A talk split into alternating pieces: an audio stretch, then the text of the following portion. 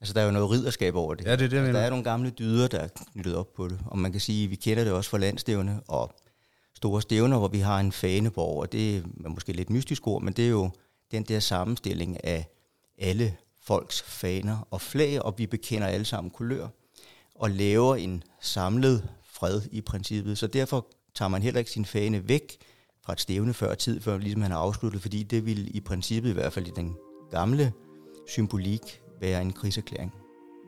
Brugen af faner kan spores 5.000 år tilbage i tiden. De blev anvendt øh, ved parader, krig og triumftog, og har traditionelt spillet en stor rolle i opbygningen af nationalstaten. I de sidste årtier af 1800-tallet opstod der i Danmark et hav af folkeoplysende demokratiske foreninger, og de skulle alle sammen have en fane øh, som samlingspunkt. Hvad betyder fanen af nu 2024 i foreningslivet? Hvilken rolle har den til opvisningen i gymnastikforeningerne? Det finder vi ud af i dette afsnit af Gymnastik i Ørene. Mit navn er Stefan Junggren. Velkommen til. Jeg sidder sammen med, med Thomas Dahl, som er blandt meget andet jo. Øh, DGI's faneekspert. Og Thomas, vil du ikke give et indblik i, hvad, hvor stammer din interesse for faner og, og flag fra? Jamen, den går jo sådan, sådan set langt tilbage, fordi da jeg selv gik på juniorhold og på rephold, så på et tidspunkt, så blev jeg sådan lidt udvalgt til at gå med, med faner også hjemme i min lokale forening. Og, og så tog jeg lidt til mig, og jeg synes, det var jo en stor ære for lov til. Øh, og blev lidt nysgerrig på, hvad var det inden, der lå bagved. Øh, og jeg tror måske, at det har du måske også selv oplevet, når man har stået til en gymnastikavisning, og sådan nogle gange krummet tær, og sådan, uden at kunne sætte ord på, hvad der egentlig var, der gjorde det. Og det gjorde, at jeg blev lidt nysgerrig på, hvad var baggrunden, og hvorfor gjorde man, som man gjorde, og hvad var det, man ikke skulle gøre. Øhm, så det har jeg så undersøgt lige siden. Hvad er det så, du har øh, særligt hæftet dig ved, når du har undersøgt det? Jamen det er jo tradition. Hvad er det, det står på, og hvor kommer det fra? Øhm, og det sjove er jo den brug. Der er faktisk forskel i dansk idræt på, hvordan man bruger vores flag. Men de tre som netop oprindelige idrætsgrene, som man kan sige, har et familieskab, som går helt tilbage til de slesvigske krige i princippet, øh, hvor dansk idræts formering kom, og hvor organisationerne opstod, jamen det er jo gymnastik og folkedans og skydning, som har sådan lidt identisk brug af det, og det kommer tilbage fra, at øh, da vi havde tabt de slesvigske krige og mistet Sønderjylland, jamen så ville man træne bønderne, både i lægemsøvelser, som senere bliver til gymnastik, og de skulle selvfølgelig også være bedre til at forsvare sig selv og skyde, og der opstår skytteklubberne. Og så øh, tager man unge officerer ind til at træne bønderne, som princippet mødes ude i det, hvor de er i forvejen, og det er forsamlingshuset. Og så tager man hele den sprogbrug ind, øh, sådan fra det militære ved, øh, og ind i foreningslivet. Og det er faktisk derfor, at gymnaster i dag stadigvæk går ind i takt, når vi går ind til en indmars og har flaget forrest. Det, det er jo det er et meget markant symbol. Altså, og så trække ind, når det er øh, gymnastikopvisning og sådan noget. Hvad, hvad betyder det?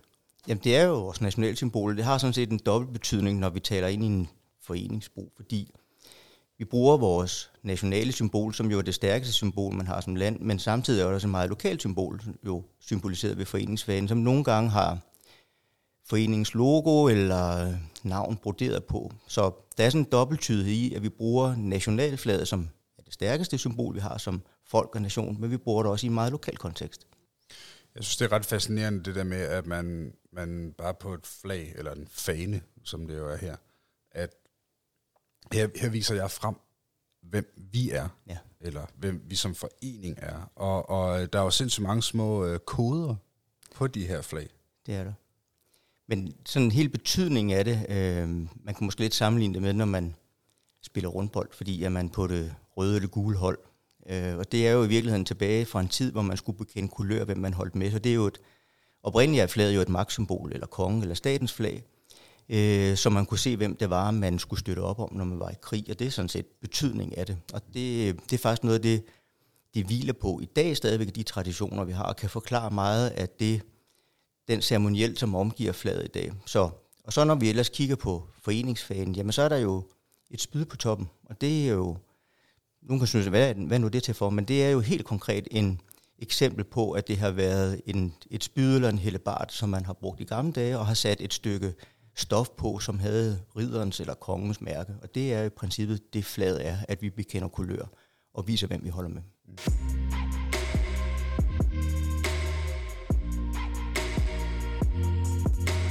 Der er også noget med, til gymnastikopvisninger, der er jo også det her med, at nu har du selv æren af at, at blive udvalgt og sådan noget. Altså for mange er det jo en stor ære at egentlig at, at, at spille den rolle. Fordi det er jo det, der er anslaget til. Ja, Nu præcis. starter jo gymnastikopvisningerne. Præcis. Og det er jo, alle har en forventning om, hvordan det skal være, så derfor er der selvfølgelig øh, der er meget fokus på det, og den der at være den ene udvalgte, som får lov at bære både foreningsmærke, men også nationalflaget.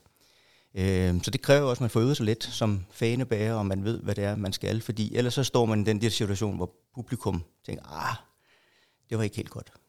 Kan du prøve at tage os lidt ind i, hvad, hvad er det for eksempler, eller sådan, hvad, hvad er det for billeder, du får, det der med, når man kommer til over, hvordan den bliver behandlet, eller hvordan...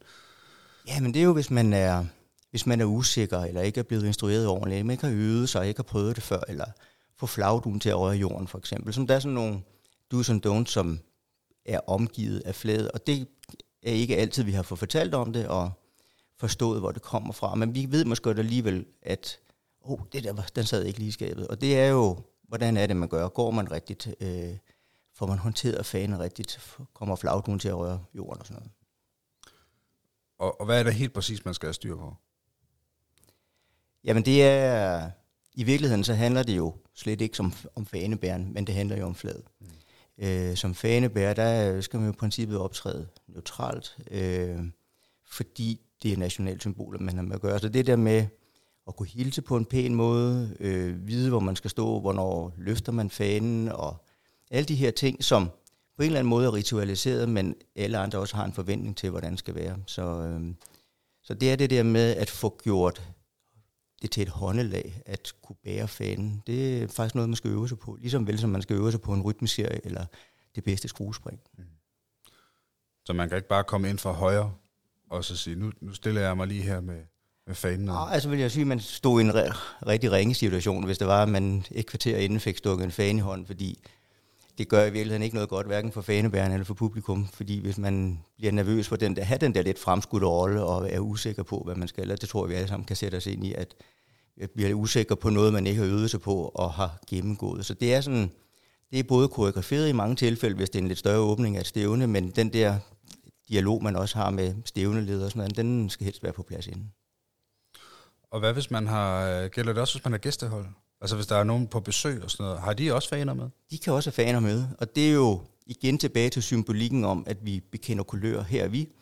Og flaget er jo på den måde, når man viser det, så er det jo et fredssymbol, at øh, vi kommer med fredelige hensigter, og det er jo derfor, man præsenterer sit flag eller sin farve, eller sit våbenmærke, som det i princippet er. Så når man som gæstehold har sit flag med, så viser man i princippet over for publikum, og den enhed, der ellers er etableret ved det her gymnastikstævne eller opvisningen, at vi kommer med fredelige hensigter. Det er meget, øh, det er jo meget nobelt, altså på en eller anden måde. Ikke? Altså det der med, at, at vi, vi er her for, for fredens skyld, og det vil vi også gerne til idrætten. Det er, nu, må sige, nu er det gymnastikopvisning, vi taler om her, ikke? men altså i andre sammenhæng kunne det være en, en, en dyst uden, uden øh, drablige nederlag. Altså det er på lige vilkår, og Præcis. det er en fredelig ramme. Det er det. Altså, der er jo noget ridderskab over det. Ja, det er det, altså, der er nogle gamle dyder, der er knyttet op på det. Og man kan sige, at vi kender det også fra landstævne og store stævner, hvor vi har en faneborg. Og det er måske lidt mystisk ord, men det er jo den der sammenstilling af alle folks faner og flag, og vi bekender alle sammen kulør og laver en samlet fred i princippet. Så derfor tager man heller ikke sin fane væk fra et stævne før tid, før ligesom man har afsluttet, fordi det vil i princippet, i hvert fald i den gamle symbolik, være en kriserklæring. Det har nok været en øh, lidt, øh, lidt sørgelig udgang på, på gymnastikstævne. Ja, præcis. Ikke? Men det er jo det der med, vi skal jo kunne sætte sprog på, hvad det er, der sker, Ja. og hvorfor er det, at vi står og krummer. Og det, det er jo blandt andet, fordi det er knyttet op på nogle gamle traditioner. Hvis vi ikke husker at få fortalt det, eller få forstået det og formidlet det videre, så forstår vi faktisk ikke helt, hvorfor at vi gør, som vi gør. Og det er jo det, der er styrken med traditioner, at vi forstår, hvor det kommer fra, og det er forankret i noget, som giver rigtig god mening. Og det gør det jo, at vi, før vi havde uniformer og alt muligt andet, vi siger, men, og vi kender det også fra OL, og vi præsenterer vores flag, og der ser det bare forskelligt ud, fordi vi har alle nationers flag. Nu er det bare sådan i Danmark, at foreningsfaner samtidig også er vores nationalflag.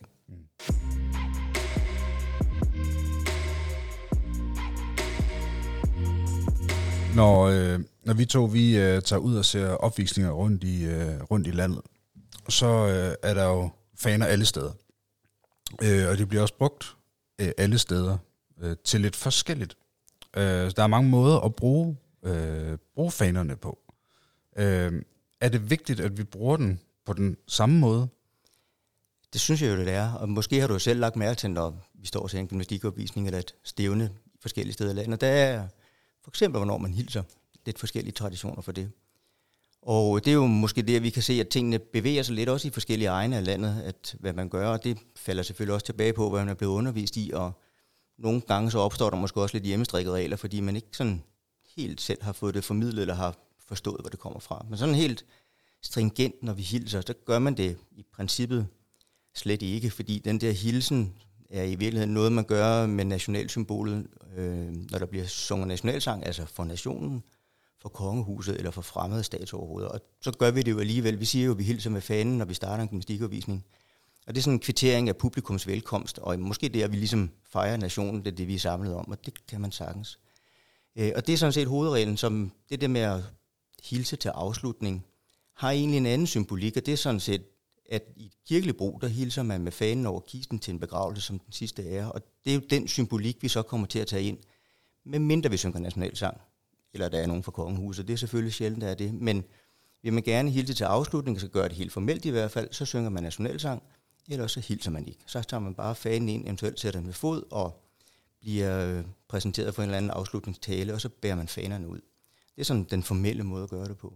Og så ser vi jo også, at øh, fanen bliver brugt sådan som mere et koreografisk, scenografisk element, som er en rekvisit til en åbning, og jeg kan selvfølgelig sagtens forstå, at man gerne vil lave spændende åbninger og tage nogle elementer med øh, af den der tradition, vi altid har gjort. Men det udfordrer også nogen, at det bliver en rekvisit, at vi bruger nationalsymbolet som det. Og der er jo mange følelser omkring det, og som du egentlig spørger om, hvorfor det er vigtigt. Jamen, hvis vi har valgt at have en tradition, og vi har valgt at tage en fane ind, så er der også noget i at vedligeholde det, fordi fanen er jo vores allesammens.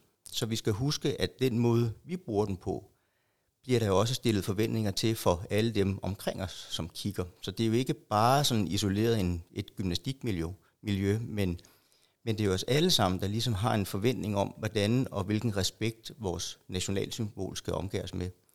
Øh, så jeg synes jo, som fanekspert, der sådan står lidt og for, øh, forklarer, hvordan traditioner, hvor det kommer fra, at måske skal man være lidt mere tilbageholdende med at bruge Dannebro som en rekvisit, man springer hen over eller svinger rundt, fordi det kan symbolisere noget forkert for andre mennesker. Det skal man tænke over, hvad det er for en formidling. Og det har, synes jeg, vi alle sammen har en opgave i, at øh, når vi bruger vores nationalflag, så skal vi et, forstå, hvor det kommer fra, og vi skal også kunne formidle det videre og omgå det med respekt. Nu har vi været øh, rundt om, hvad, hvad der er vigtigt som, øh, som fanebærer. Men det er jo klart, at her når det er forår, så vil vi jo gerne have så mange ind og se gymnastikopvisninger, som vi overhovedet kan. Og der kommer jo alle mulige mennesker, og der kommer også nogen, som ikke har set så mange gymnastikopvisninger, måske slet ikke har set nogen. Øh, og, og de er jo så publikum, men der er jo, de har jo også en rolle i forhold til, når fanden den kommer ind eller skal gå ud og sådan noget. Præcis, ikke? og det var faktisk det, vi startede det hele med at snakke om, det der med at stå og have de krummede tæer. Og det skal vi huske at fortælle nye, der kommer ind i vores miljø og oplever det her, fordi der er jo man går direkte ind og møder nogle traditioner og noget symbolik, som man måske ikke direkte kan oversætte. Og der vil det være super fint som opvisningsleder, at man jo direkte henvendt til publikum laver noget vejledning i, hvad man skal, som man ikke føler, man er på kanten af det, der sker. For eksempel vil jeg sige, at lige om lidt, så kommer fanerne på gulvet, og så rejser vi os fra nationalflaget, og når fanen er ved fod, så er I velkommen til at sætte jer ned. Så er alle sådan set guidet ind i, hvad man skal, Øh, der er sådan lidt protokol omkring det, og ingen vil føle sig akavet og vil have en forståelse for, at jamen, det er jo nationalflaget, der kommer, og selvfølgelig så gør vi, som vi alle sammen gør. Tak, Thomas, for, for at give et indblik i, øh, hvilken rolle fagen de spiller i, i det danske foreningsliv. Og øh, tak, fordi I lyttede med.